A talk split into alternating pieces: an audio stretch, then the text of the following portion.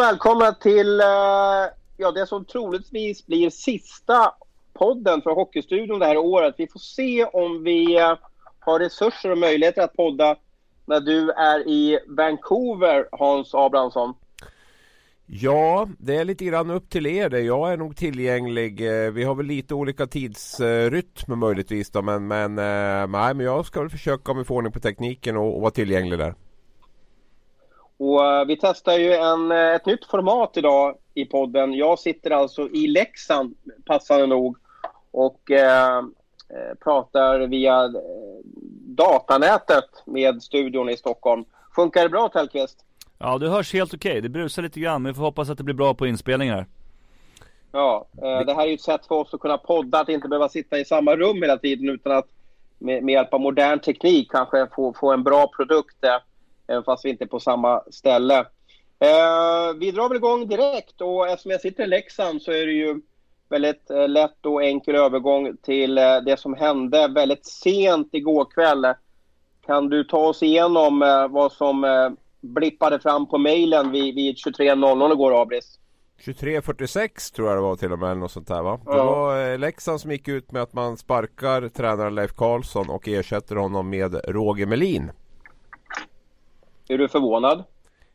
Nej, det blev jag väl inte. Jag har väl varit mer förvånad över det här eh, snacket som har varit eh, veckorna tidigare här att man inte ska göra någonting och att man har verkligen målat in sig i ett hörn där och sagt att ingenting ska förändras och det ska inte vara någon quick fix och, och tränaren ska vara kvar. Det har väl gjort att jag har varit lite fundersam på hur, hur man tänker och så. Men, men eh, för mig var ju situationen ohållbar och eh, det var mest en tidsfråga innan, innan det skulle ske. Det man är mest förvånad över att, är väl valet av tränare Skulle jag säga, att det känns inte så här Superpikt om man, om man ska säga långsiktigt för, för Leksand eh, Jag förstår att de vill få in en ny röst och någon person som kanske är lite mer eh, omtyckt av sina spelare men eh, ja Ja det, det känns lite konstigt kan jag tycka Hur tror du Tellan, hur, hur kommer det funka? Roger Melin matjord i fickan med Corsi och Video-Thomas, Videotjomme. Hur kommer de få synka? Ja det har väl funka, kommer väl funka kanske likadant som det har gjort med Leffe Karlsson Jag såg att han hade gjort nu en uttalande här i intervjun. Det är första gången jag har hört att Leffe Karlsson har nämnt Kors överhuvudtaget Att korsen ser bra ut så att det finns ingen oro. Men eh, Ja vi får väl se. Alltså det är väl det som eh, vad, vad, man har förstått så är det väl det som spelarna i Leksand behöver. Någon som Som ser personerna och Stryker lite medhårs här ett tag nu för att För att få dem att, att börja prestera jag har ju mm. försökt liksom satt mig in i Thomas Johanssons huvud under de här veckorna. För jag, jag tyckte att det var en bra rekrytering från början. Sen har jag inte riktigt förstått här vad, vad, hur han har tänkt och hur han har agerat och hur han har uttalat sig. Så det är ju lyxigt att ha Tellan här som ändå har haft Thomas Johansson som sin chef. Som kanske kan förklara för dig och mig Thomas hur, hur han tänker och, och varför det har blivit så här. Alltså Thomas är ju långsiktigt tänkt. Det, det, var väl det som alla var medvetna om och det var ju det som var i, i Djurgården också. Därför är jag lite förvånad att, att Leffe får sparken faktiskt eh, ändå. Eh, Det måste ju vara någonting från spelarnas håll naturligtvis att de har känt någon typ av oro eh, från, från det. Att de inte känner att de kan jobba med honom alls längre utan att det har hänt massa saker eh, Att han har varit elak eller någon typ av mobbing, jag vet inte. Någonting sånt men Thomas jobb är ju naturligtvis att hela organisationen ska spela på samma sätt Ner från juniornivå upp till A-laget Det är ju det hans tänk och Det är därför jag blir lite fundersam här med, med Roger Melin hur lång, hur lång tid ser de att han ska vara i organisationen? Eller är han också en tillfällig lösning tills de hittar någonting bättre? Mm. Innan vi hoppar in på Melin där, eh, det var bara kul att veta hur du funkar Tellan uh, eh, hur, Var såg du nyheten någonstans att, att Leksand har sparkat uh, tränaren? Alltså hur, hur funkar ditt eh, intagande av information?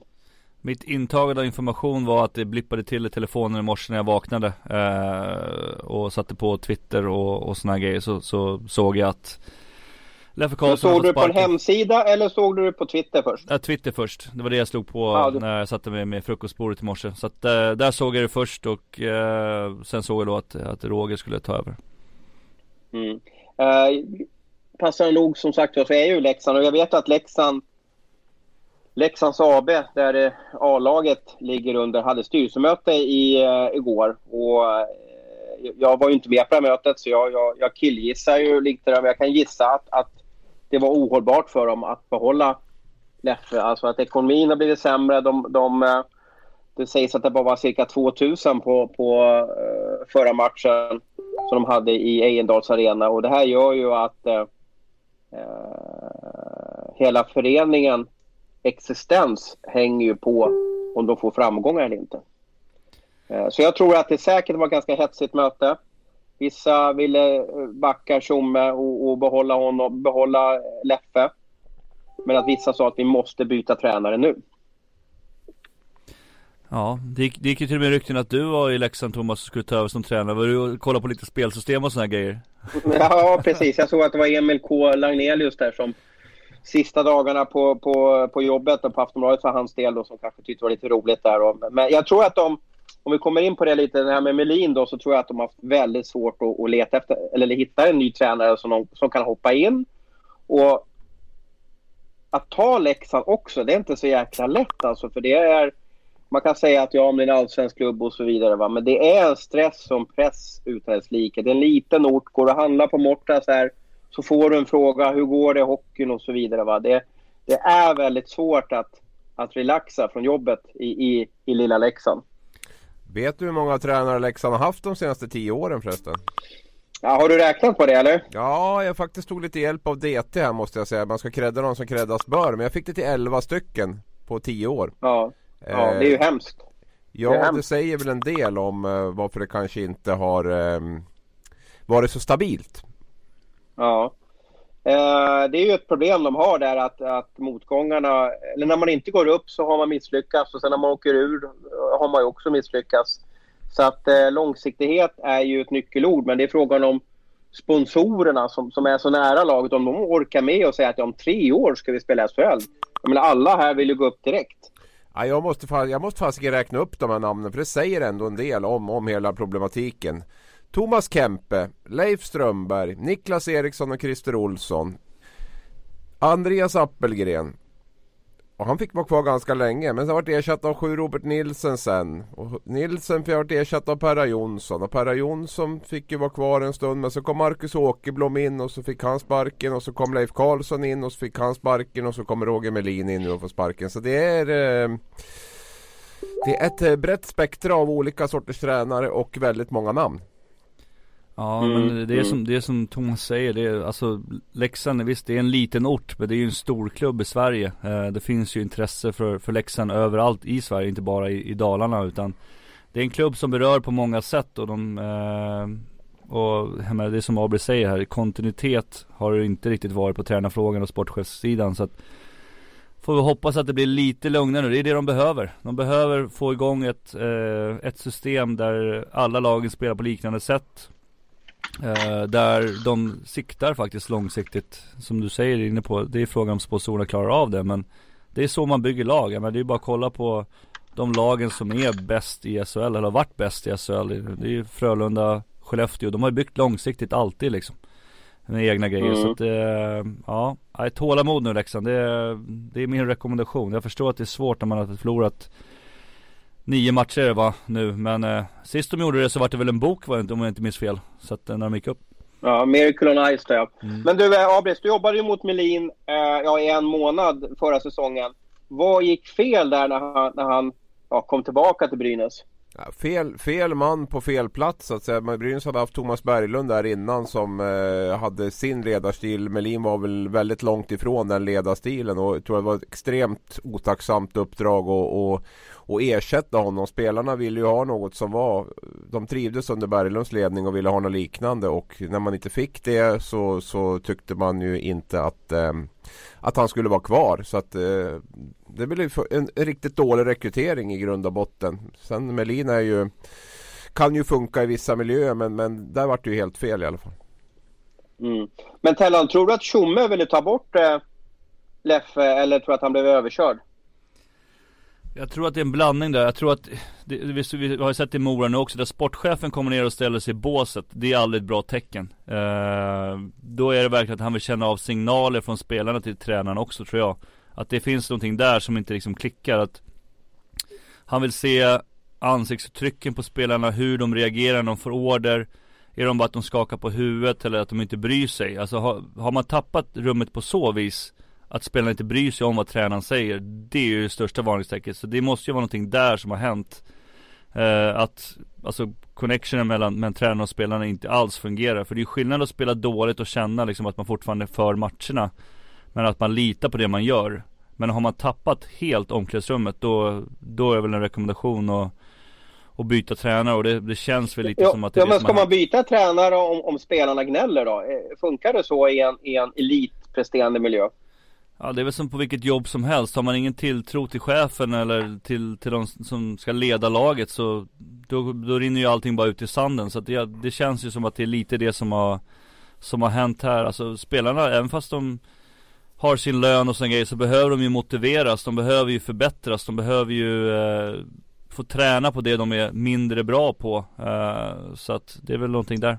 Det är ju två saker som skiljer framgångsrika föreningar mot de här eh, föreningarna som är mindre framgångsrika. Det är ju för det första förmågan att rekrytera rätt namn och för det andra och förmågan att hålla fast vid det namnet som man har. I, i, en, I en framgångsrik förening är det ju inte spelarna som sätter agendan. Det är ju inte de som bestämmer. Men å andra sidan så är föreningen också väldigt noggrann med de rekryteringar man gör. Att det ska vara en, en tränare som, som passar in i det, det klubben vill stå för och det, hur laget vill spela och så vidare och så vidare. Så att den, eh, den, jag tycker det är så tydligt mellan, mellan framgångsrika och icke framgångsrika föreningar just. Och det är som jag sagt, jag har inte så jättesvårt med de här att man gör sig av med tränarna. Det är ju rekryteringarna tycker jag som har varit i all, jättemånga av de här fallen som har varit det stora problemet. Och ehm, där är det ju väldigt många som, som måste göra sin hemläxa. Jag menar Leif Karlsson Ja, det hade kunnat funka förra året och det, det vart ju helt Men vem okej skulle då. de ha tagit? Det är lätt att säga felrekrytering. Vem skulle Leksand ha Ja, nu, tagit in i den, somras den där frågan får jag jag tycker att det blir oseriöst också. För jag, alltså skulle jag jobba med sånt, att jag skulle sitta och jobba med att rekrytera tränare, då skulle jag lägga ner ett grymt arbete på det. Att jag ska sitta och killgissa här nu, mitt uppe i allt annat, det blir, det blir, blir oseriöst. För det har jag fått frågor om förut. Och det är det jag menar lite grann, att det, det ska man inte sitta och ploppa ur en massa namn här utan då skulle jag vilja göra en grundlig research, jag skulle vilja träffa de här, prata med de här olika personerna som är aktuella och därefter fatta ett beslut vem man skulle ha tagit in. Och det förväntar Mm. jag mig att, att eh, idrottsföreningar, idrottsklubbar, hockeyklubbar i Sverige på eh, allsvenska och SHL-nivå gör. Att man gör ett grundligt researcharbete, pratar runt med folk, pratar med den tränare det gäller. Är noggranna. Jag skulle vilja se någon typ av tränare, lite grann som Jeremy Collington var för, för Mora. Någon som är liksom kan utveckla spelarna i Leksand liksom. Som kan liksom Mm. se den här röda tråden som, som Tjomme vill ha i organisationen. Någon som är Alltså likable säger man på engelska. Någon som är liksom ja, för, för Leksand är ju det är en stor klubb liksom. Som, som hör hemma på absoluta toppnivå. Och man behöver någon som kan förmedla den här Leksands känslan. Och nu är det väl vad jag förstått det på den här Leksands TV-intervjun med, med Thomas Johansson så ska Emelin vara kvar nästa år också. Då. Det är ju en rekrytering som, som ett kontrakt som gäller även kommande säsong. Då, så ett och ett halvt år. Mm. Det kan ju vara lite krav från Melin också, förstår jag, att han ville ha ett... ett Jo, jo, men ska de sparka Ja. Melin då efter den här säsongen om inte det funkar? Eller, tanken är väl ändå att han ska köra ett och ett halvt år där och det är säkert ett krav från Melin. Han är ju inte någon han vill ju inte ha några kortsiktiga lösningar och han vill ju ha ett jobb nästa år. Han har väl något år kvar till till pension och så, så det förstår jag. Men, men är, det, är, det, är det han som ska, ska leda Leksand in i framtiden? Vi får, vi får se. Jag menar, har man en bra organisation runt sig och man, man har, så, så kan ju Melin funka. Det gäller ju att man bygger, bygger en stab och en sportslig ledning runt honom då som, som kompletterar de eventuella brister han har. Du tror inte att han kan Ja, hjälpa till och- Tjomme på ett eller annat sätt då? Jag ser, jag, ser jag ser ju inte Roger Melin som någon sportchef så, det gör jag ju inte riktigt. Och jag menar, så, så mycket pengar har väl säkert inte Leksand så att de kan ha Ja, Thomas Johansson är ju inte gratis och ska ha honom. Så ska man ha Melin då, så ska man ha en tränarstab under det. Ja, lyckas man få ihop de, de pengarna så är det ju bara att gratulera. Men, men ehm, eh, det tror jag blir tufft att få ihop det. Om man dessutom ska ha ett slagkraftigt lag. Jag hörde någonstans att Leksand har en spelarbudget på någonstans runt 17 miljoner i år om det, om det stämmer. Så det är väldigt högt med allsvenska mått mätt. Ja. Jag har hört att, att alla typ tjänar 60 till 80 000, att de har väldigt jämn nivå på, på alla löner i laget. Då. Ja, då springer det iväg ganska snabbt om man Mm. har många spelare som ligger i det spannet. Framförallt på en allsvensk budget. Men det som alla undrar nu, alla läxingar som sitter och lyssnar på det här. Hur kommer det bli för sportsliga resultat? Det vill säga, kommer laget att bryta den här äh, rekordtrenden på nio förluster? Och var hamnar man i tabellen? Det är ju det som är liksom på något sätt essensen, det viktiga i allting. Ja, jag kan börja. Det kommer bli ett lyft. Så blir det ju ofta när man byter tränare. Det kommer bli ett lyft här nu. Man kommer vända den här trenden och man kommer troligtvis att hamna topp 5 det har, det har lite jobbigt med ju de här lösningarna där man får liksom tillfälliga succéer av de här tränarsparkningarna som jag sett i många klubbar och det jublas efter första hemmamatcherna kommer de säkert att gå ut och köra över Almtuna tror jag de möter och, vinna och så kommer alla och, och vara glada och lyckliga och så kommer det vara bra en stund. Men, men det här, för mig är det ju väldigt kortsiktiga lösningar. Men Leksand kommer att, att, att vända uppåt i tabellen och man kommer att sluta runt femma kanske, eller topp fem. Mm. Vad tror Tellan? Ja, men jag är mer än benägen att hålla med. Det blir ofta så att det blir en, en i, i gruppen. Att nu är det faktiskt upp till oss att börja leverera på ett eller annat sätt. Så man får lite mer blodad tand som spelare. Att man har lite bättre fokus. Man har lite bättre, det blir mycket mer liksom eh, man blir mer synad som spelare. Nu är det liksom upp till dem att, att börja leverera. För nu har de bytt tränare som de troligtvis då ville då. Eh, så att eh, uppåt kommer det gå men eh, långsiktigt får, får vi se. Men hur funkar det, Tellan, du som har varit i en grupp eh, och, och du har ju säkert varit med om och, och bytt tränare någon gång, har du det eller? Ja, en gång tror jag faktiskt. En, ja, en, en eller två gånger, vad jag vet, kommer ihåg på nu. Som, som jag förstått du så, så kommer man trycka på att träningen ska bli effektivare och bättre. Hur svarar en hockeyspelande kropp då, så att säga, om man inte har tränat så bra på några månader och så blir det längre träningar och tuffare träningar vad händer då? Blir man inte, alltså, kan, kommer man inte en formsvacka på några veckor då? Ja, det beror ju lite på vad, vad de har sagt för långsiktiga mål här men eh, Alltså det behöver inte bli negativt heller. Jag, jag, tror att det är bättre att fokusen kommer nog säkert sitta nu på att, att det blir mål, alltså de ska göra mål på träningarna på ett helt annat sätt. Det blir fokus på att hamna i rätt positioner Uh, var tar vi oss någonstans när vi ska, vad vi gör mål? Uh, kommer säkert visa klipp var någonstans mål görs i dagens hockey och så kommer de jobba på sådana typ av övningar. Uh, så men det är ju frågan vem Men blir det inte, blir inte en massa hjärnspöken då om man ska se en massa video och, och fundera på att man är på rätt ställe nu och så vidare? Nej det tror jag inte. Är det inte, alltså, bara, är det inte bara att slappna av och gå ut och ha kul? Ja, alltså det, det funkar inte riktigt bara så heller. Alltså nu är, kommer det inte bli kul på samma sätt. För nu, sagt, nu är det ju pressen på spelarna. Så nu är det ju verkligen fokus. Nu är det ju slutspelshockey hela vägen in här för, för spelarna i Leksand. Um, så att nej, jag, jag, tror att för mig funkar det jättebra att man såg mycket video och såg rätt Rätt saker, ja, men det kan ju vara att de tar videoklipp från början av säsongen här Det räcker ju att man ser samma, ser sig själv vara i positioner där man gjorde mål och såna grejer För de har ju Gick ju rätt bra i början av säsongen fram till vad det nu, eh, mitten av november någonting. Eh, så att jag tror att, jag tror att se sig själv lyckas är en framtids eller en framgångssaga. Ja. Ja, eh, Leksand eh, tror jag ska möta, om det var Panten den här veckan, men den matchen är eh, flyttad. Så att eh, Leksands första match efter tränarbytet blir inte förrän efter jul.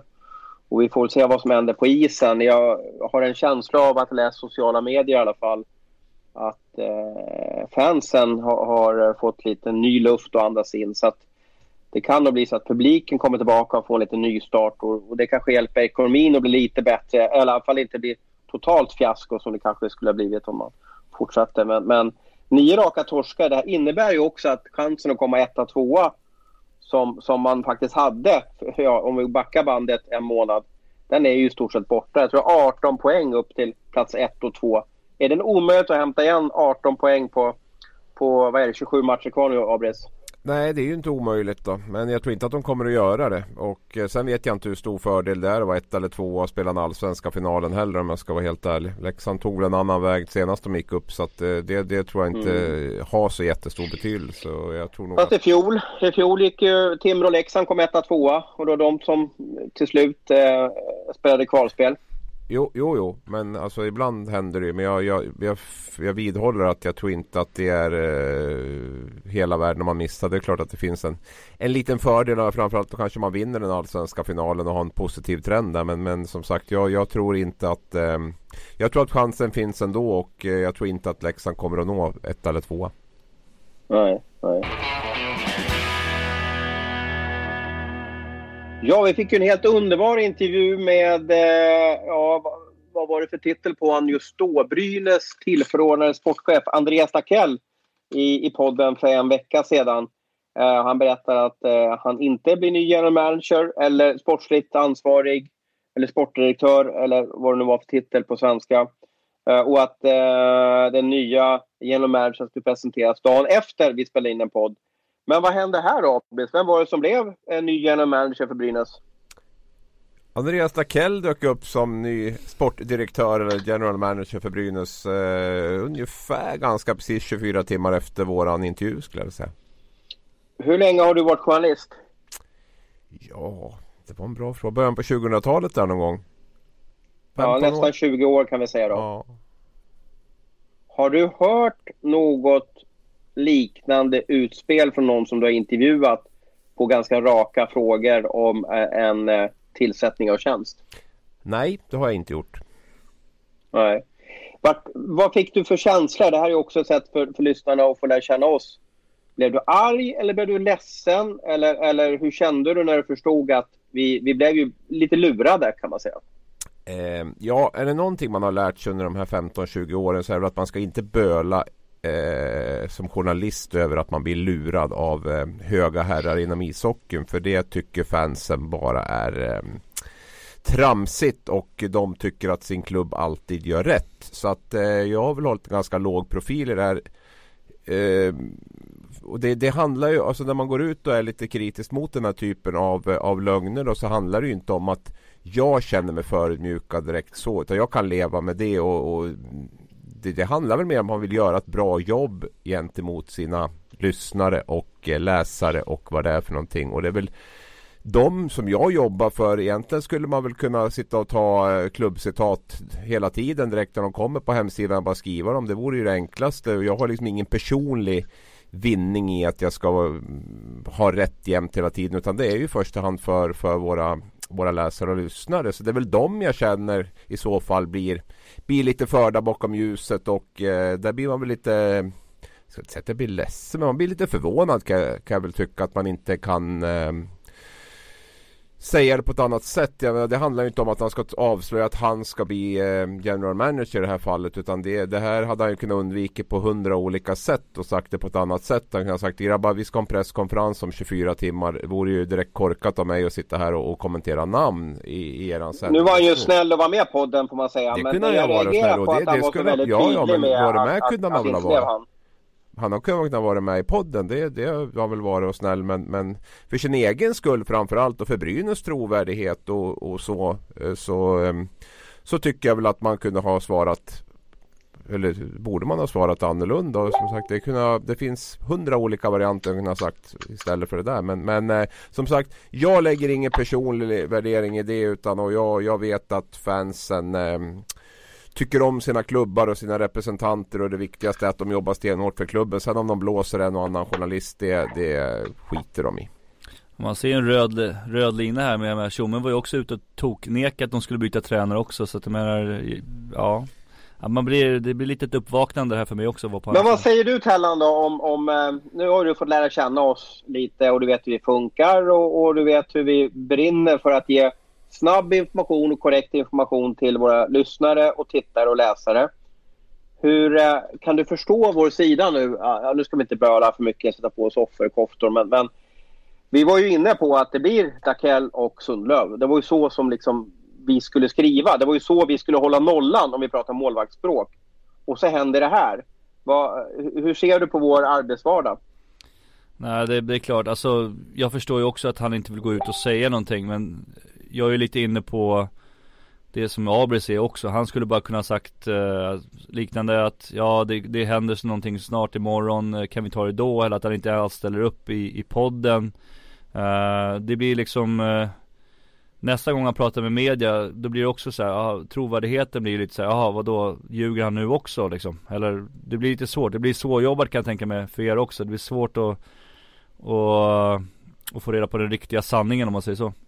Det är ju det ja. alltså det, det, det, kan leda, det det leder till är att vi chansar mer. Så blir det. Alltså det, det, det har jag ju märkt av de senaste 5-6 åren. Man chansar mer för att förut visste man i alla fall att ett nej var ett nej. Alltså om man dementerar så kraftfullt då visste man i alla fall att då då skriver jag inte. Men nu har ju det blivit ett sätt som, som flera använder. Att man ja, direkt ljuger då. Och då innebär det att man vill ju inte att man ska komma undan. Alltså man har grejer så ska det inte löna sig att, att, eh, att ljuga heller. Utan då blir man ännu mer angelägen på något sätt att, att skriva det. Och få fram hur det är. Och i vissa fall kan det leda till också att man, man tvingas chansa lite mer. Och det tror jag väl inte är någon någon som tjänar på egentligen. Men, men det, det, har ju, det har ju blivit lite grann åt det hållet, tyvärr. Mm. Ja, jag blev väldigt förvånad i alla fall. För, för, för jag slängde lite Lakells namn i, i papperskorgen där eh, och sådär. Men du, hur gick... Eh, du bor ju i Gävle alltså. Har du träffat Andreas eller har du fått några reaktioner på, på eh, ja, Nej, det har, varit, det, har varit, det har varit knäpptyst och det tror jag nog att de eh, får väl lite känslan av att eh, ja, ljuga för lite journalister är inget, inget man behöver hetsa upp sig över utan det är Nej, så, så det är mest vi som tycker det. Men, men igen, jag måste också hålla med om att jag blev väldigt förvånad hur stark dementi vi fick slängt i ansiktet eh, efter. Vi, var ju ganska säkra på att det blir nog grillpolarna Dakell och Sundlöv som tar över Brynäs-skutan. Men, men vi, vi eh, blev ju straffade av den här starka dementin som gjorde att vi inte vågade skriva. Mm. Och så. Men det, vi får väl, eh, man får vända på ännu mer stenar, är inte så Abris? Eh, jo då, det får man väl göra. Man blir ju mer angelägen och, och, och komma, få, få, få rätt och få sanningen när, när man får de här tokdementierna så blir det väl ännu mer att, man, eh, att det brinner igång och att man känner att man ska i alla fall inte Det ska inte vara så lätt så att man bara kan, kan ljuga till allt och, och tro att vi inte skriver utan då får man väl försöka vända på någon sten till då och, och, och visa sig att det, det inte lönar sig. Men om vi går in på en annan Nej. fråga då. Är, är Andreas Takell, är han rätt man att, att föra Brynäs vidare då? Är han rätt man att ta Brynäs tillbaka dit till, till toppen av, av hockeyn igen? Ja, du kan få kommentera din egen fråga Tellander. Ja. ja, nej men han har ju, jag menar, jag tror att spelarna har en stor respekt för, för honom. Så att eh, det han lägger fram så tror jag spelarna kommer att acceptera med tanke på hans bakgrund som som spelare. Sen, sen tror jag att han kommer behöva hjälp då, eh, naturligtvis. Han har ju väldigt mycket spelarkontakter säkert runt om i världen med tanke på hans historik också borta i Nordamerika och sådana grejer. Så att jag, det han skulle behöva hjälp med är väl någon typ av eh, person som kan eh, sätta sig och skriva kontrakten och, och, och göra sådana grejer. Liksom själva förhandlings, Men han. Han får ju in Sundlöv snart. Alltså han, han har ju skrivit kontrakt i, i, i 15 års tid. Är det, är det helt klart då? Eller har, har vi fått ett nej på det också? Eller? Ja, men jag, jag har en känsla där att de är så tajta och, och jag tror du som sa det Abris och jag skriver under på det att Lakell kanske inte skulle ta det här jobbet om han inte visste att han får sin, sin eh, vapenbroder eller hockeybroder Sundlöv med sig på det här. Då ensam är det tufft om man inte vet kanske vad man får för stöd. Men, men eftersom Sundlöv är extremt rutinerad, kanske är Sveriges mest rutinerade sportchef med tanke på antal år som han har gjort på tjänsten så, så får han ju någon som kan hur allting funkar, som vet hur juridiken funkar, har alla nummer till agenterna, eh, klarar av att, att göra marknadsmässiga löner med spelare och så vidare. Så, så jag tror att den tryggheten gjorde nog att han hoppade på det här. Ja, och svar på frågan, där kommer han att lyckas? Jag tror en stor del handlar om vilka, vilka människor han kommer att omge sig med. Vilka tränare kommer, hur kommer tränarstaben att se ut? Sportchefen tror vi blir Micke Sundlöv. Hur ser övriga människor runt omkring honom om? Det tror jag är en det tror jag är en enormt viktig egenskap om man ska lyckas. Att man, att man har en förmåga att, att omge sig med bra personer och anställa bra personer. Där är ju Mikael Sundlöv som du är inne på är ju, man kan säga vad man vill om, om, om Sundlöv där. Men, men alltså det är en otroligt rutinerad och väldigt omtyckt sportchef också i väldigt många läger. Allt från agenter till andra sportchefer till, till så vidare. Den här galna målvakten som åkte runt och jagade folk med, med målvaktsklubban har ju blivit liksom en liten mysfarbror i, i hockeysverige där det finns väldigt få faktiskt som har något ont att säga om Micke Sundlöv längre och så, så var det ju inte riktigt i början av hans sportchefskarriär eller hans spelarkarriär. Ja. Men om Dakell lyckas, det handlar egentligen om vilken position Brynäs eh, kommer på i tabellen och hur långt man tar sig till slutspel. Åker man ut nu två år i rad i åttondelsfinalen, ja då är det ju fiasko. Så funkar ju hockeyvärlden. Det är ju tyvärr svart eller vitt. Sen kan man ha... Det finns omständigheter som skadade spelare och, och eh, ja, att någon spelare kanske flyttar av familjeskäl som man kanske inte kan påverka som, som general manager. Men eh, igen, eh, han bedöms ju ut efter hur, hur bra herrlaget kommer, kommer gå i SHL. Det är ju den, det är ju den, den liksom krassa sanningen. Och, och, ja, om, om han gör sitt jobb helt korrekt, eh, det vill säga fuskar inte vid nyrekrytering av spelare och ledare, ja, men då, då kommer det säkert gå bra. Men, men eh, vi ser ju på serien i år, vem, vem hade kunnat gissa att Skellefteå eh, ligger så pass långt ner? Frölunda, två lag med enormt med resurser och enorma staber runt laget, eller A-laget i alla fall.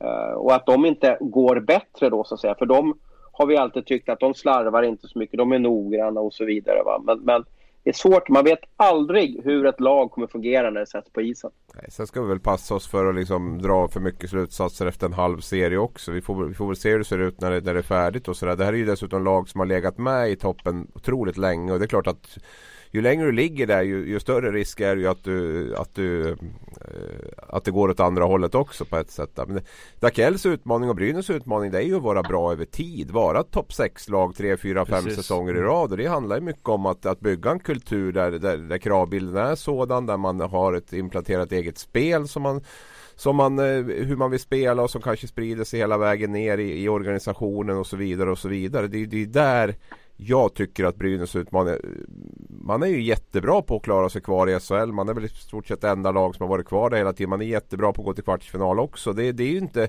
Det är inte kattskit så Men, men För att eh, vara med och på något sätt vara en maktfaktor i Hockeysverige så behöver man ju Räcker inte att poppa upp vart sjunde eller vart sjätte eller tionde år eller något sånt där utan då, då, det, det, det, måste ju vara Det skulle vara min drivkraft som idrottsledare i alla fall att försöka vara bra över tid. Jag vet när Skellefteå vann sitt guld och Lasse Johansson sa det Det handlar inte om att vinna ett SM-guld. Det handlar om att vi ska vara bra i tio år. Vi ska ha chans att slåss om det SM-guldet i tio år. Och det Där är ju, skulle för mig i alla fall vara den stora drivkraften.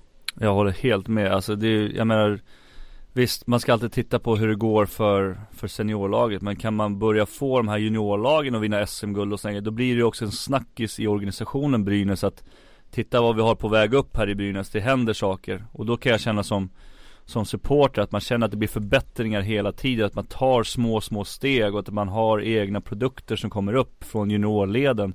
Då blir det helt plötsligt häftigt att vara brynäsare liksom. Att det är häftigt att vara liksom Och se de här uh, unga spelarna ta steget från junior från 18 till J20 och sen hela vägen upp till, till A-laget. Det är det man vill se som fans. Man vill se sina egna spelare utvecklas i organisationen. Inte bara de här inköpta tjeckiska spelarna eller inköpta amerikanska spelarna som kommer in och gör ett eller två år och sen går vidare och signar för en annan klubb.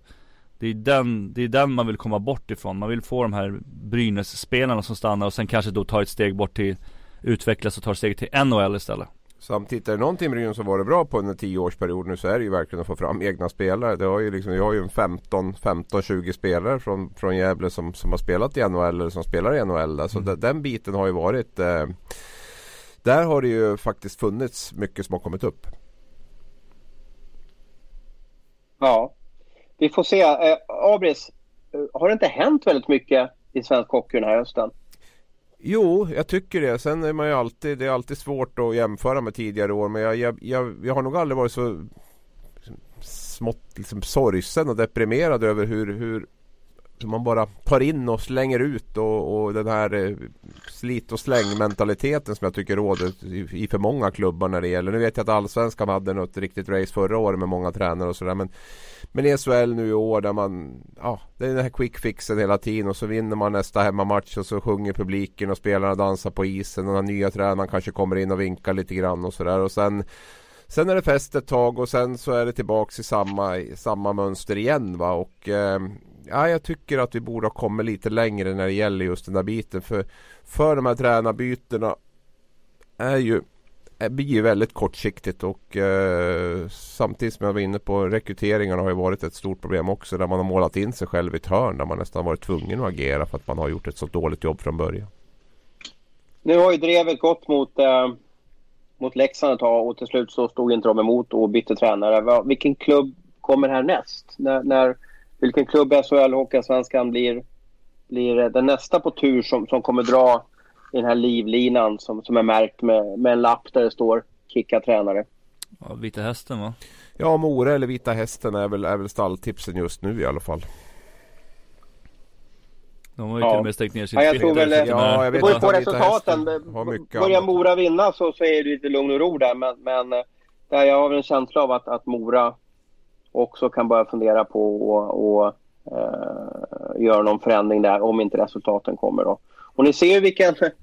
Eh, jag fascineras över hur, hur, det bara går runt. Va? Hur Melin då eh, för ett år sedan, han fick sparken redan i oktober där från Brynäs. Nu så blips så poppar han upp i, i eh, eh, i Leksand också. Ja, så, liksom. det, det går ju, går, allt, allt, går ju runt. Ja, det är fascinerande också för Melin var ju ute i en intervju här för en vecka sedan och, och liksom sa att det var pinsamt och att de skämmer ut organisationer och, och sådär som gör så med tränarna. Sen väljer han själv att tacka ja till ett jobb i en organisation som har kanske varit den som har sparkat flest tränare under en tioårsperiod. Men det kanske inte har något samma. Jag, jag vet inte om man ska som har den men, men det blir ju lite Han är ju en väldigt stor del i den här cirkusen själv då som han är ute och, och fördömer för bara en vecka sedan. Men sa inte du precis här innan att vi gick in här att han hade nämnt att han ville träna Leksand? Sa inte du? Det gjorde han när han fick sparken i Brynäs en vecka eller två efter han fått sparken i Brynäs så sa han att han hade alltid drömt om att träna Leksand. Vad ser man? Dreams come true. Mm. Ja. Ska han, eh, jag har ju inte hängt med här i, i alla turer på morgonen. Ska han flytta till Leksand eller ska han pendla från Gävle? Ja det blir nog en campingstuga där också skulle jag tänka mig utan att jag vet nu men eh, Jag hörde att det fanns någon campingstuga ledig bredvid Tjomme där så att Thomas Johansson så att det kanske blir Roger kör en övernattningsstuga då. Mm. Ja det där är lite så här generellt lite märkligt tycker jag att, att då alltså både tränaren ska pendla eh, till Leksand och genom managern pendla lite fram och tillbaka där. Ah, det där är lite knepigt. Boendesituationen i Leksand är ju inte optimal då, men eh, jag förstår inte att man inte flyttar till orten, att man oavsett vilken klubb det är, att man inte att man inte ger järnet på orten för det blir för svårt att lyckas annars. Men kan, man kan samåka där va? För det nästan går väl snabbast över Gävle till Leksand från Stockholm om Thomas kan plocka upp Roger. Ja, jo, det, det, jag tror ungefär lika. Det är väl jag hörde, ju, jag hörde en annan på, han brukar ju köra alternera, alternera vägarna vad jag fattar det som. Han kör via Enköping Sala på vägen upp och så kör den andra vägen på vägen hem bara för att alternera. Men mm. tror du inte att det är rätt skönt då Thomas att inte bo på orten när det är liksom, för jag menar jag kommer ihåg jo, det var själv när man var i... Det blir, det, blir, det, det blir kritiker som ställer liksom, vad, vad, är han nu Jaha, är han där? Ja, du vet liksom och så vidare. Jag vet inte. Det, jag, jag, ibland så tror jag, jag vet att Leksand, och vi fortsätter att prata om Leksand där, så Patrik Kjellberg bodde i Falun och, och han var sportchef för, ja, för några turer sedan. Eh, han fick ju kritik för att han bodde i Falun och inte bodde i Leksand. Och då är det ju fyra, fem mil mellan Leksand och Falun. Mm. Men du har väl spelare mm. som bor i Borlänge också, har du inte det? Hur långt är det? Ja, jag tror de flesta, tror de flesta bor nu i, i, i Leksand. Ja. Ja, men jag, jag tänker också det med som en liten ort, alltså det kan vara rätt skönt. Jag menar, jag vet ju själv som spelare hur det är rätt skönt att slippa prata hockey när man går och handlar och såna här grejer. Att man behöva ställas till svars för allting som som händer på isen liksom. Så att jag tror att det kan vara ganska skönt för både Tjomme och om det nu så blir Melin också att de inte bor där nonstop. För då kan, då kan de koppla av och så kommer de in med, med ett eh, friskare sinne när de inte bor där. För att jag menar, blir det nonstop 24 timmar om dygnet vad man än gör. Då blir det att man låser in sig i sin lilla stuga eller lägenhet och så är det liksom Så går man bara kollar rakt ner i marken när man ska till träning eller till Man känner liksom alltså att man är uttittad hela tiden. Mm, mm. Ja, vi får se hur det går då. Eh, och då tror ni alltså att det är Mora eller Vita Hästen som, som vi kan sitta och avhandla i någon podd här kanske i januari? Ja, stämmer.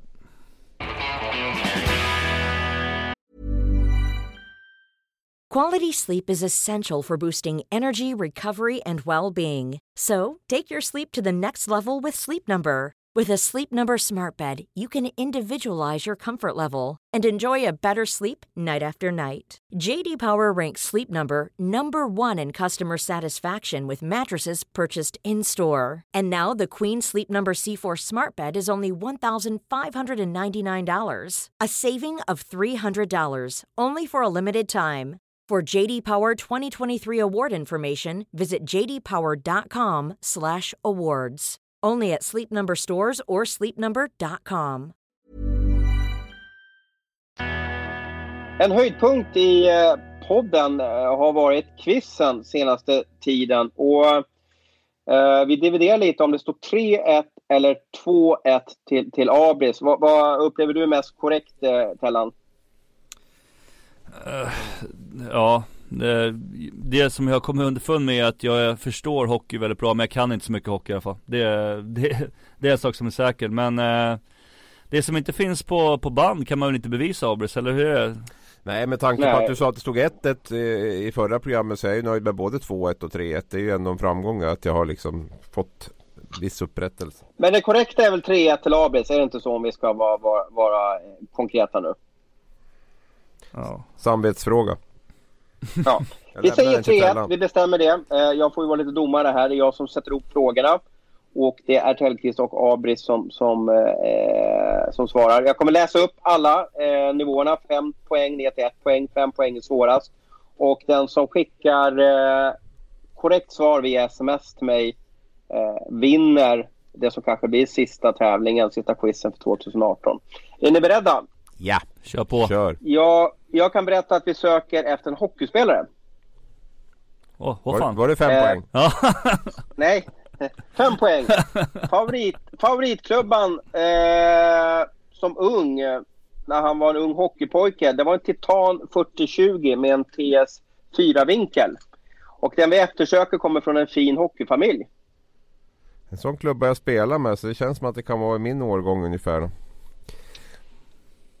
Och vad är det och om vi har någon lyssnare nu som inte Ja, har jag är vrål? 69 då. Så jag är 49. Mm.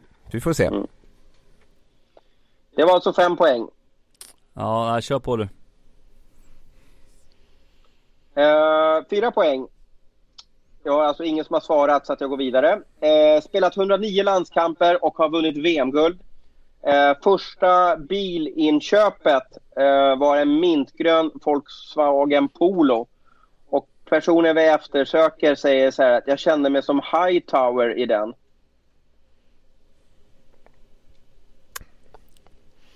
Hightower. Ja, det är han i polisskolan, vad fan. Det är jättekillen där. Mm. Nej, jag... Jag är, Nej. bla- jag är blank. Tänk lite, alltså det här borde ni ta Vi nu. gör Jag inte är- alla som tänker. Ja. Jag, säger, jag Okej. förstår hockey, Ja. men jag kan inte mycket hockey. Det är skillnaden Thomas. Eh, Vill ni höra tre poäng? Ja. Absolut. Eh, denne aktiva back har lirat mot Mikael Tellqvist i både NHL och KHL. Första lyxköp som proffs var en lägenhet i Stockholm. 2004 blev han hyfsat känd i folkhemmet när han utmanade Sheldon Surrey på ett slagsmål i elitserien. Oh, oh, oh, Jag har fått ett svar här från Mikael Tellqvist ska jag berätta. Mm. Tufft. Nej, vi får gå på två poäng. Surrey, jag Eh, var Lundqvist. Var med på hemma-VM eh, 2012 och eh, då, blev då unik under det VMet. För han lirade både forward och, eh, och back. Och det skedde i matchen mot eh, Tyskland. Oh, men gud. Ska jag ju kunna. Jesus Christus. Åh, vad jobbigt det är när det blir så här. Nu är det hjärnsläpp. Nu är det hjärnsläpp. Vad hette han då? Ehm, Har betänketiden gått ut nu Thomas? Ja, Ja. ja, du har ju vunnit ändå redan. Nej, om är du har svarat rätt. Det vet man inte. Eh, det var ju lite... Känner du säkert Hellan eller? Men, Ah, och ganska. Ah, vi, Vad tog du på då? Ja, ja, ja. Ja, vi kör på på ett poäng där. Det här blir pinsamt. Ett poäng Abris. Okej, ett poäng. Denna Staffan spelar till vardags i Lokomotiv Jaroslav. Ja. Den var ju dålig. Slogs han med Sheldon Surrey? Yes, det var det jag tog Mm. på också. Ja. Ja du ser. Fick Mm. man lära sig något nytt igen. Mm. Tur att du tog en gammal Jag, lagkompis eh, och jag, har fått rätt dålig, svar från, eh, jag har fått rätt svar från Mikael Tellqvist på, på trepoängsnivån och jag har fått rätt svar, jag har faktiskt inte fått, fått men jag har fått en muntligt rätt svar från Habris. Där kom smset Ja. eh, på ett poäng då. Ja. Och det innebär att vi har eh. Tellqvist som vinnare och det står alltså 3-2 i frågesporten. Eh, när jag pratade med, med Kronwall, ni är polare du och Kronwall va? Ja, jag förstår varför du sa att vi var favoriter på så vis. Eh, Men ja, vi växte ju upp, alltså typ någon kilometer från varandra, både jag och- Kronvallbröderna. Eh, Det var ju tre, de var ju fyra brorsor, men de tre brorsorna spelar ju alla hockey faktiskt. Eh, Niklas Ja, är ju den som jag eh, spelat, spelat mest med i Djurgården och såna grejer och, och landslag och såna grejer. Så att, eh, men jag och Staffan är bra kompisar nu jag. jag har haft en förkärlek att ta med husdjur nämligen. Och, och, men då sa han att, att nämner du vad jag hade för hund när jag var liten så kommer Tellan ta det direkt. Fan, de hade en Yorkshire terrier, en, en, en shih tzu som heter Ernie. Skulle du ta det direkt hos Tellan? Ja, det hade jag tagit. De har den fortfarande, den lever Okej. tror jag fortfarande. Okej, okej, okej. Ja, det var bra att jag tog bort den för då hade du kanske dunkat in den på fempoängsnivån där. Ja, då går vi vidare till eh, ett nytt moment som vi har och det är ju bara för att vi ska sammanfatta eh, året 2018. Det är ju så att eh, i december så älskar ju både tv-kanaler och eh, andra mediehus att göra resuméer, paneler och, och man ska minnas tillbaka vad som har hänt under året. Och det måste vi också göra. Vi, vi tycker att det är kul att minnas tillbaka och vi ska försöka göra det här med, med ljud på något sätt. Och, och Abris, jag har ju skickat mitt minne till dig. Jag vet inte om du vill spela upp det eller om du vill spela upp eh, vad du har för minne som du vill delge eller vad du tycker är intressant för våra lyssnare att få, få göra en återblick till. Nej men vi börjar väl med din. Jag är ju en artigt lagd man. Så att jag, jag kör igång. Ska jag köra igång din direkt eller? Ja, ja. på någonting. Ja, någon gång har det vänt gnällt. Men alltid kommer med ett jävla bra humör. Det har inte bara alltid det lättaste, men har gjort ett fantastiskt jävla jobb allihop som är här inne. Så jävla glad och stolt över att få vara i Timrå. Och jag-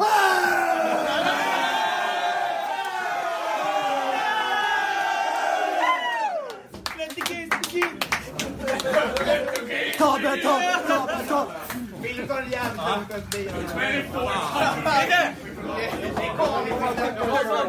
är jävla skit?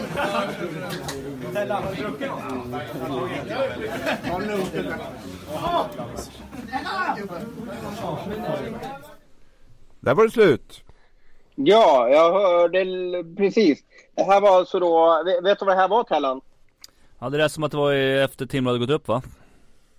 Precis. Eh, alla hockeysäsonger är, är ju... Eh, det händer ju väldigt mycket. Det är OS och det är VM och det är slutspel. Och, och det är kvalspel och, och på, alla, på alla dess nivåer. Och eh, jag hade ju då förmånen att vara på plats på match 7, eh, Karlskrona-Timrå. Och Timrå gjorde processen ganska eh, snabb faktiskt där i match 7 mot Karlskrona. Och det jublet, eller lyckan man får med i omklädningsrummet. jag- Det var jag som stod och filmade det här med min iPhone. Jag tycker att det är så häftigt. Det var ju då vi hörde då sportchefen Kent Norberg då som, som jag har jobbat i Timrå i så många år och har så mycket känslor för, för klubben och klubbmärket. Och det är han som höll någon typ av brandtal eller festtal där och, och sen tog han en klunk på sin, på sin öl då. Det, det, jag, jag, jag, hoppas, eller jag skulle vilja att fler fick ta del av den glädjen som utspelas i ett omklädningsrum när lag har gått upp. Det är nog den hysterin och euforin som finns där. Det är helt otroligt. Mm. Ja, jag har aldrig fått chansen att, att gå upp med ett lag men däremot så har jag ju fått chansen att vinna med ett lag och det man förstår varför man, man får den här frågan efter man har vunnit någonting. Hur känns det? Och det, det brukar alltid Mm. vara Man är ganska tom för att eh, det är liksom, man, man har liksom gjort den här resan tillsammans med det här laget och liksom Det blir nästan så luften går ur kan man liksom förklara det. Att så här, Ja. Huh, vi gjorde det. Oftast är själva resan fram till att man har vunnit jävligt häftigt, att man står där på isen och skriker och, och sen blir det tomt liksom. På något sätt. Men jag upplever att det är en mer galen glädje i de lagen som går upp, måste jag säga. Uh, ja, okej. Än, än de som vinner SM-guld. Ja, ja precis. Ja, jo det blir väl en annan typ av, av, eh, av, eh, av glädje. Så är det. Nu är det väl risk för att det här är ett minne blott att ett allsvenskt lag slår ut ett SHL-lag i kval då. Nu vill man väl Mm. plocka bort den mekanismen i det här nya förslaget Det- i alla fall då som är. Ja, precis. Det blir ju inte... Det är ett lag som åker ur och ett lag som, som stannar kvar om det blir som, som eh, det här förslaget, liggande förslaget då, som är ute på remiss nu. Eh, så att, eh, då, då kanske det, jag får passa på nu. Det kanske blir sista året då, 2019 som man ser det här. Eller om de även kör 2020 då. Det får vi återstår att se. Men igen, jag stod och filmade med iPhonen och, och eh, när jag har det tråkigt eller behöver liksom piggas upp så kollar jag på det här klippet och, och ler och jag ryser. Eh, och jag känner att gud vad kul att vara där och, och, och känna den här... Äh, helt galet är det ju. alltså. de, är- de är så uppspidade och de är så, de är så lyckliga och de, de, eh, de kanske också på något sätt fatta att det blir inte större än så här. Sen var det ju en sjunde match också i det här kvalet här. Växjö var ju lite för bra i SM-finalen om vi drar en jämförelse där. Så det var ju den, den här eh, kvaluppgörelsen där hade ju alla ingredienser med, med lillebror Timrå då med pytteliten budget som, som vann borta i en sjunde avgörande kvalmatch. Ja. Det är ju Det är ju lite Det kan ju inte bli så mycket bättre om man vill ha den typen av stories. Samtidigt som jag, om jag inte minns helt fel så låg de ju under med 3-1 i matcher också eh, mot Karlskrona. Eh, hade egentligen blivit utspelade tror jag match match 5 också första två perioderna, första perioden att det var underläge i skottmässigt och sen kommer in och, och vänder på, på smeten i, i stort sett och, och gör det i, i sju matcher vilket är väldigt häftigt. Och sen, eh, vi har något minne från dig också. Ska vi börja med dig Tellan och så tar vi, eh, tar vi Abri sist då? Ja, kan vi göra. Men jag har valt eh, säsongens sämsta bortförklaring och jag vet att ni är alltid på mig när det gäller målvakter och såna grejer. Så nu ska jag faktiskt ta en målvakt som kom med säsongens sämsta bortförklaring. Men jag tänkte läsa den istället och det är eh, den här incidenten som hände mellan Almtuna och Södertälje när eh, målvakten Arvid Ljung eh, får ett, ja, att det händer någonting där. Och jag läser direkt på vad han har skrivit här på, på Twitter då. Det är så här Eh, han säger så här, jag köper er reaktion att det på videon ser ut som världens filmning Men det är ett slag i magen. Visserligen inte jättehårt, men var inte beredd på att tappa luften. Jag håller helt med att en filmning inte ska vara en del av hockey. Uh, Det här känns som världens största efterhandskonstruktion på alla sätt och vis. Uh, Alla som har sett det här klippet ser ju att det är någon typ av filmning. Så att uh, där kan jag inte stå bakom målvakten målvakterna för en gångs skull men är det han som har fyllt i det eller, eller tror du att det är eh, en sportchef? Han som har gått ut och sagt det här? Ja. Nej, det här är han som har sagt ibland, ibland kan de, ibland, ja, ja, ja, det var inte från någon anmälan i disciplinnämnden utan det var en ren förlåtelse. Ja, precis. Han vill gå ut och, och rädda, sitt, uh, rädda sitt eget skinn här och förklara vad, vad det var som hände. Men jag tror att han hade nog tjänat på att inte sagt någonting överhuvudtaget. Uh, mm. av, av den här incidenten. Mm. Målvakter var Abris. Ja, den kom lite oväntat där att Tellan skulle hoppa på målvaktsskrået så här i årets sista vecka. Jag försöker bli mer journalistisk här och se det från alla, alla perspektiv. Ja, vi får se vilka konsekvenser det här får i målvaktsfamiljen nu när han har varit inne och um, kritiserat. Det kanske inte blir så mycket fistbumps liksom framöver här. Nej, han blir utfryst nu ifrån målvaktspoddar och annat. Ja, och sen är vi lite nyfikna vad du har att eh, bjuda på Abris. Ja, jag lär väl avsluta lite grann i moll då eftersom ni har Ja, ni har väl varit lite blandat där också. Men jag kör. Kanada jätteläge kan skjuta för styrning, gör det mål! Kanada gör 2-1 mot Sverige med 1 minut och 40 sekunder kvar att spela. Klubba slås bort från de svenska spelarna. Kan Kanada avgjora? Kronby lägger det mot mål. Avgjort! Kanada världsmästare i ishockey! De gör tre mål mot ett i Tornby Ja, det där hörde ni vad det var för någonting misstänker jag. Ja, det var positivt och glatt. Ja, vad säger du om det här Tellqvist? Ja, han vill väl bygga upp här nu att det är junior-VM här snart så att, eh, Men eh, ja, det, det, var tufft. Och sen allting som hände efteråt där med medaljceremonin, att man inte tog emot medaljer och sådana grejer som efterspelet som då fortfarande finns spelare i, i truppen som är, som är avstängda då. Så att, um, mm, får se, se vad som händer här i junior-VM. Ja men så jäkla... Såg du det där på isen Abis eller? Vad sa du? Såg du det där på isen där med medaljerna eller, eller Stod du i en korridor då eller? Nej, jag var ju på väg ner i ett sånt där trapphus typ för att, för att hinna ner till. Du vet ju hur det funkar på sådana där ställen. Det är inte så att vi kan stå kvar och mysa och titta på prisutdelningar utan vi ska ju ner och, och, och brotta oss till en bra plats i mixade zonen och sådär. Så att eh, finns det ingenstans man ser sämre än när man är på plats. Men eh, nej. nej. jag var på väg ner till, till mixade zonen när, när de höll på som mest där. Uh, nej men just ja. det där att det var, så, det var så bittert. Alltså det var ju Kanada i en final. Man gjort en jättematch. Det var ju Kanada på hemmaplan i princip. Det var ju Buffalo men det var ju bara kanadensare där. Och kunna vinna en sån final efter den matchen. Först semifinalen mot USA som var otroligt stark insats. Och sen då kunna ha lagt Kanada på, på, på rygg också. USA och Kanada i en dubbel där semifinal och final. Nej, det, det, är så få chanser man får att vara så där nära. Och vi vet 31 år var det mellan första och andra JVM-guldet. Och um, man får inte så många chanser sådana där. Så det, var, det var extremt bittert. Ja. Men också Ja. starkt minne vad, vad, naturligtvis. vad, vad kommer du hem med för ljudfil efter din resa till Vancouver nu då? Nej men nu är förväntningarna låga. Vi, vi hade ett kanonlag förra året med, med, med Elias Pettersson, Alexander Nylander, Elias Andersson. Alltså det, det, det var... Och backsidan som var grym redan förra året där. Så att vi, vi, hade, vi hade verkligen en bra chans och gjorde, de gjorde det bra måste jag säga. Som, som eh, höll på att slå ut både USA och Kanada på vägen fram där. Så att, eh, I år blir det mycket lägre förväntningar och jag har svårt att se att det här laget tar sig längre än till en semifinal. I bästa fall. Du får väl ut Mm. med båten och kolla någon späckhuggare eller något sånt där. Ta någon ljud därifrån. Ja, Val, valsång eller ja någonting. det kanske blir Ta med något det. Årets ljud 2019. Stilla havet va? Eh, ni älskar när jag tar grejer på uppstuds, eller hur? Ja. Och nu får ni inte svara oj, det har jag inte tänkt på eller oj, det måste jag fundera på utan jag vill ha lite raka svar av er. Kan vi, kan vi lova varandra det? Absolut. det beror på. Ja. jo, det är ju 13 dagar till nyårsafton och jag tänkte vi skulle få...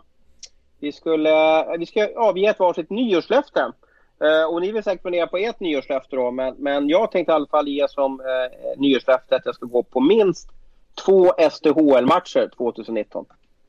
Hade inte du det som ett nyårslöfte tidigare? Någon Jo, typ men jag löfte? tycker att det är ett väldigt bra nyårslöfte och har man bra nyårslöften så tycker jag att man ska kanske eh, ta dem igen. Man kan prata om att man ska äta mindre eller motionera och så vidare. Va? Men jag ska i alla fall gå på två SDHL-matcher 2019. Höll du ditt förra löfte då?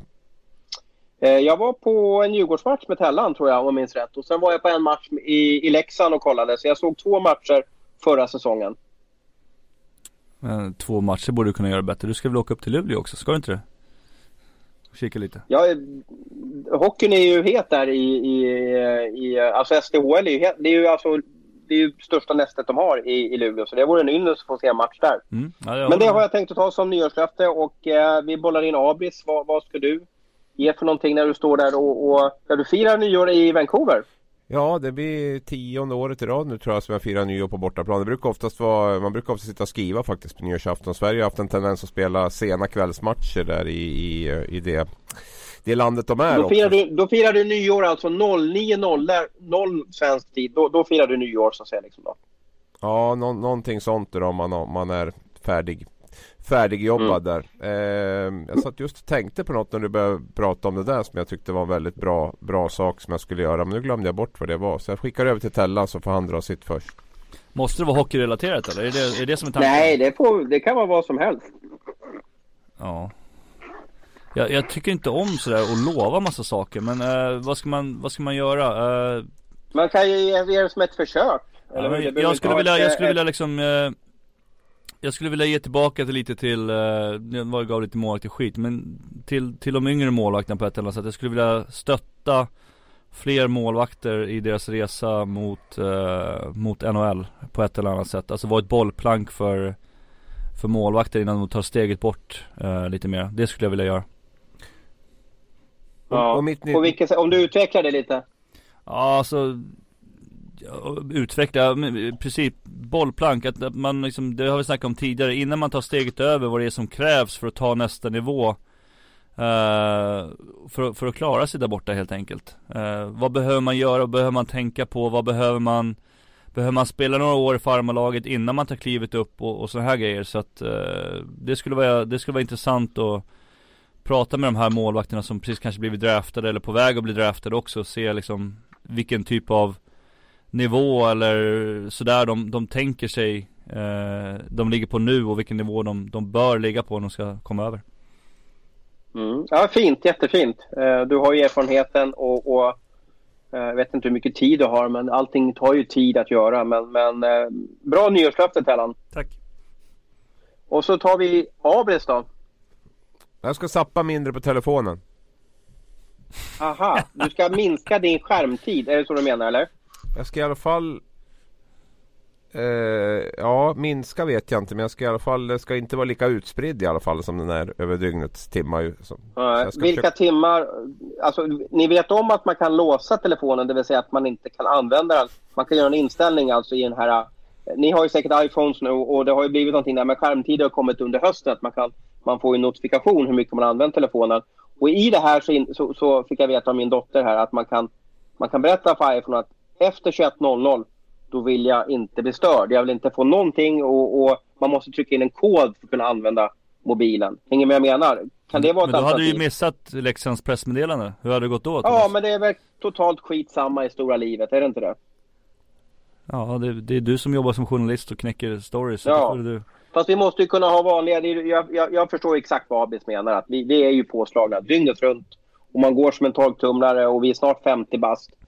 Eh, Jag hade en kompis nu som eh, fick veta idag att han hade en, en tuff sjukdom och, och så vidare. Och snart så, så sitter man ju där. Och, och det är väl ingen som tackar en för att man har haft 100 miljoner miljarder timmar i skärmtid bara för att... För, ja, när man väl ligger där på sängen. Precis som vi hockeyspelare har haft det. Exakt likadant. Det är därför folk gnäller när man byter klubb och sådana grejer. Men det, jag håller med. Mm. Ja, men bra med skärmtid. Det tror jag alla behöver tänka på. Jag tror skärmtid kan vara ett hot mot eh, hälsan framöver. Jag tror att eh, väldigt många människor spenderar för mycket tid och glo i, på sin smartphone. Ja, du ser. Det, det var, jag känner mig nästan som, inte bara min frisyr som påminner om det. Jag känner mig nästan lite som Dr. Phil här när jag Ja, det, det gick avrundar över från en uh, hockeypodd till någonting helt annat här känner jag. Ja, precis. Men det var, det var bra. Det är jättebra och jag ska hålla koll på dig. Ska vi dela skärmtid med varandra, eh, Abri, så att vi liksom vet om om vi, om, om vi liksom verkligen drar ner på det här? Eller klarar du vara tillsynsmyndighet själv, Abris? Ja, jag ska nog klara av det själv. Det, det, är nog, det, det ligger nog på mitt ansvar där. Ja, precis. Jättekul att babbla med er. Eh, Vi har ju inte direkt eh, mejslat ut i sten att det här är sista podden för året. Vi får se om vi hinner med en till eller hur vi gör. Och annars får jag tacka för ett fint år och jag får önska Abris och Tellan och alla lyssnare en riktigt god jul. God jul allihopa. Allihopa, god jul!